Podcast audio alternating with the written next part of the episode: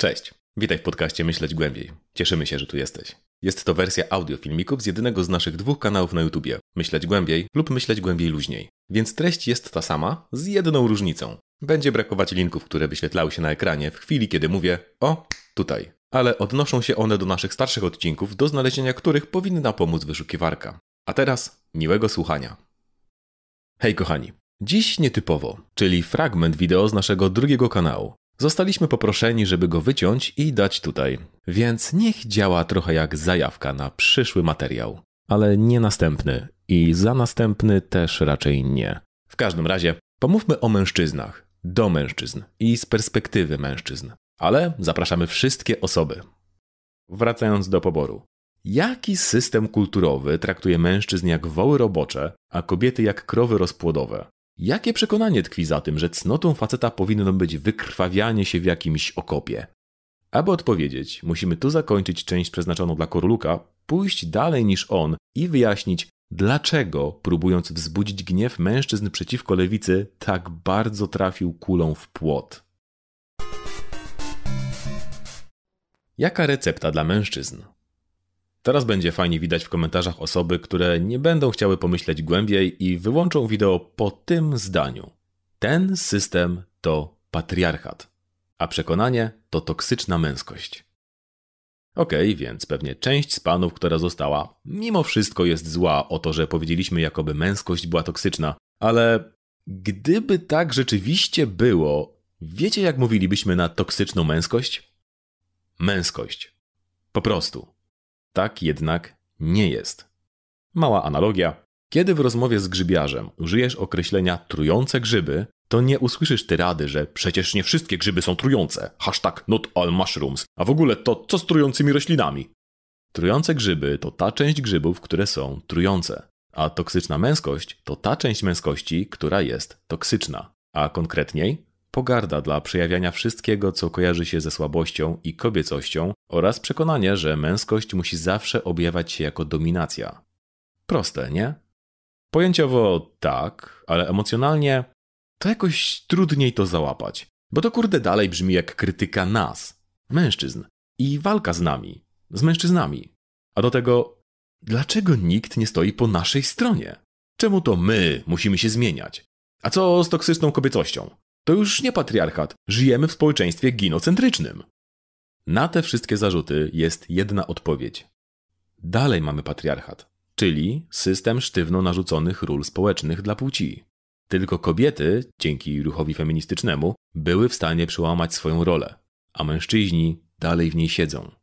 Bo widzicie, dla kobiet sama aktywność polityczna była przełamaniem tej sztywnej roli patriarchatu. Nie musiały już grzecznie siedzieć w domu. Mogły też zdobywać świat, w tym politycznie. Natomiast mężczyźni w olbrzymiej części nadal dają się patriarchatowi wodzić za nos. Nadal nabierają się na ten marketing, że gdy tylko będą realizować męskość wystarczająco dobrze, to dostaną obiecaną im nagrodę. Ale jest gorzej. Zawsze w tych wideo pojawiają się komentarze: Co z toksyczną kobiecością? Nasza odpowiedź będzie nieco przewrotna. I jak w przypadku feminizmu i mężczyzn zazwyczaj mówi się o autorce Bell Hooks, tak to my wrócimy do twórców terminu toksyczna męskość. Czyli mężczyzn? Ano, tak. W latach 80. i 90.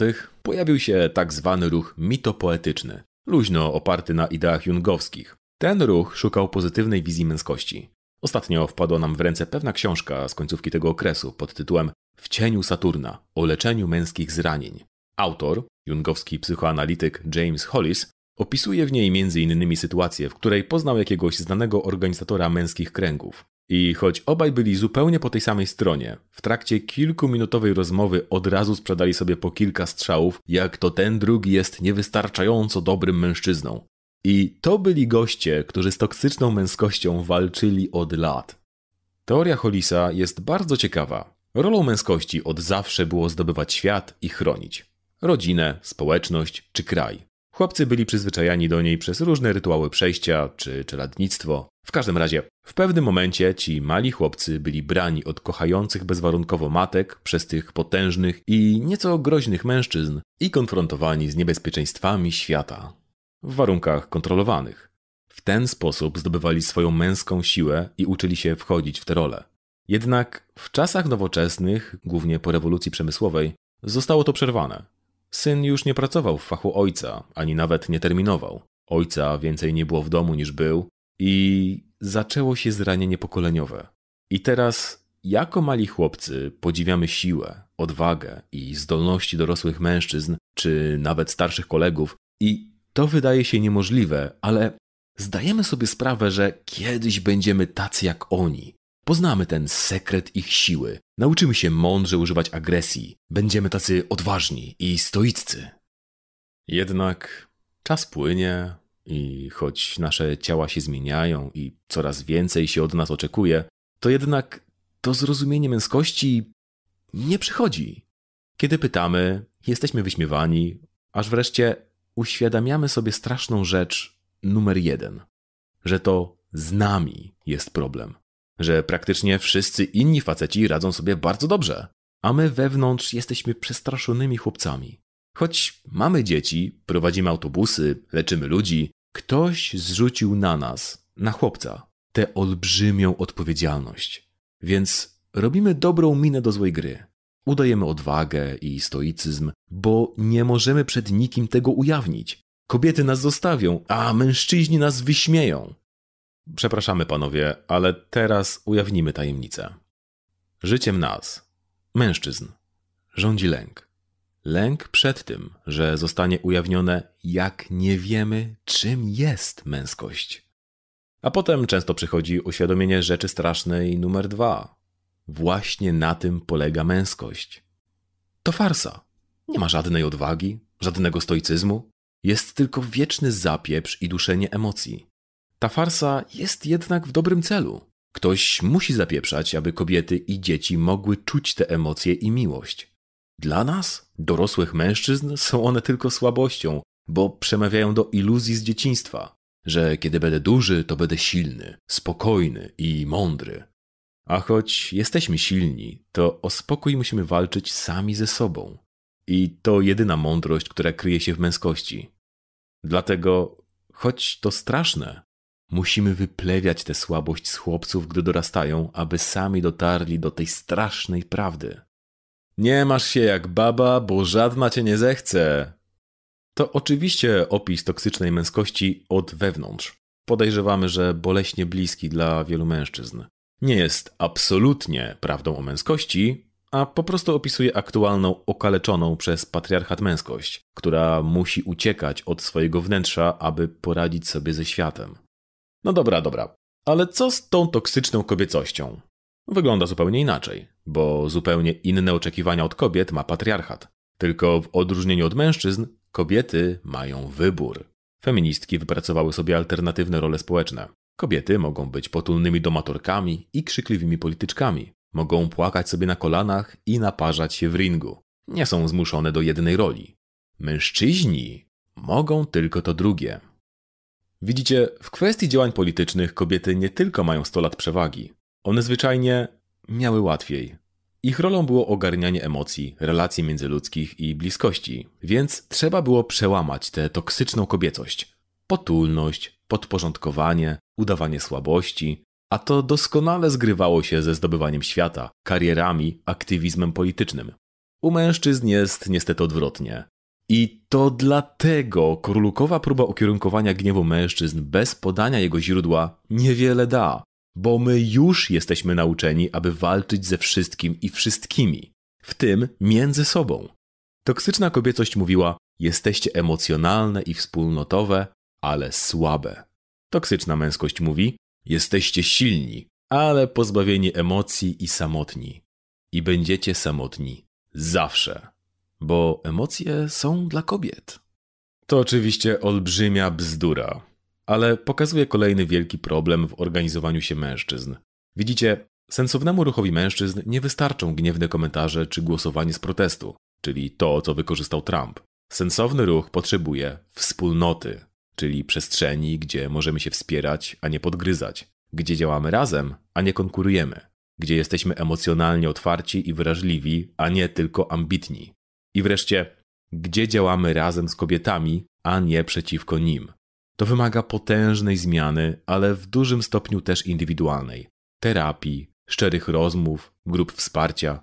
Tego nie zastąpi żadne działanie polityczne. I choć ktoś może powiedzieć, że to podejście lipkowe, to nie pierwszy raz w tym wideo, jak zostajemy lipkami. Nie bez powodu kanał nazywa się Myśleć Głębiej Libiej 2. Głosować mocniej. A poważnie, to czasem problemy są po prostu indywidualne i na poziomie systemowym można co najwyżej zachęcać, na przykład wprowadzając jakieś talony na siłownię i terapię. Tak jest i tutaj. Wykorzenienie tych wzorców toksycznej męskości na tyle, aby nie przeszkadzały we współpracy politycznej, to potężna robota psychologiczna.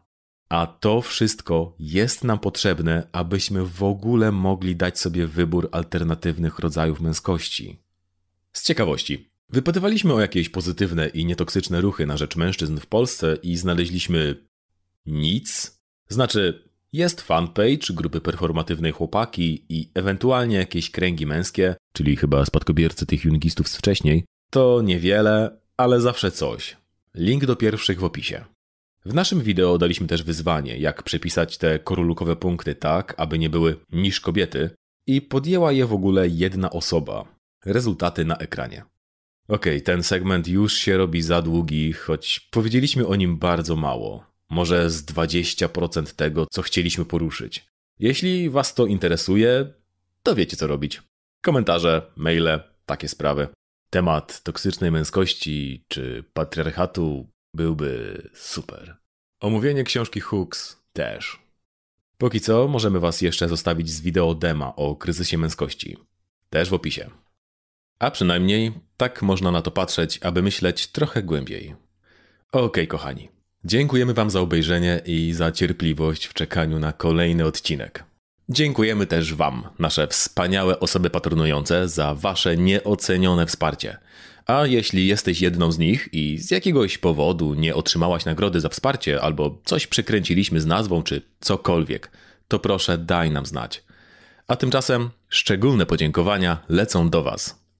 Adam Kępiński, Adrnian Głuchowski, Albert Materski, Czabata, DDDDDDDDD, Jean, Jacek Kiliański, Janusz Grażyński, Jednorożek, Nulenstein, Kamil E., Kamil Stasiak, Konrad Wawrowski, Loken, Lukasynek, Magos Errant, Mariusz Wo, Mateusz B., Mikki Blomi, Mr. Fox, Mordechaj Gumibaum, Ouli, Pan Jan, Patrycja, Paweł Pawlik, Piotr Cieślik, Praptak, Rafał Podgórski, Saci, Soweł, Szefo, Wodzu Metal, Zuku oraz Zuzaka.